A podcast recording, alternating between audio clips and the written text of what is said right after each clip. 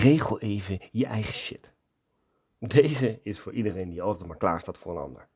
En deze is zeker voor iedereen die altijd maar klaar staat voor anderen die vervolgens helemaal niks doen met al je goede raad.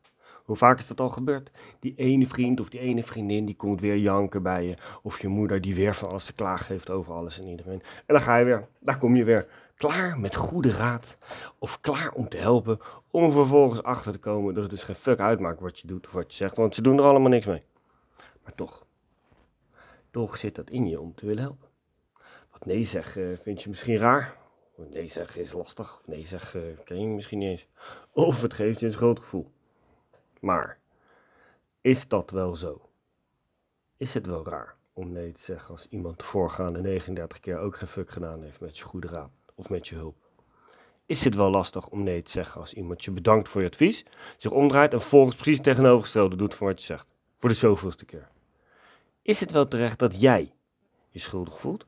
En voordat je een antwoord geeft, neem even een momentje. Zet hem even op pauze.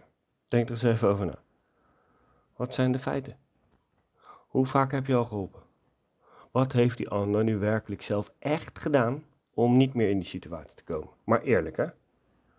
Natuurlijk is het lastig om nee te zeggen als je het nooit doet. Maar, no worries. Het is heel simpel, want vandaag, vanaf vandaag, gaat iedereen zijn of haar eigen shit regelen. Maar niet jij. Dus je staat op, kijk in de spiegel en zeg hardop vandaag.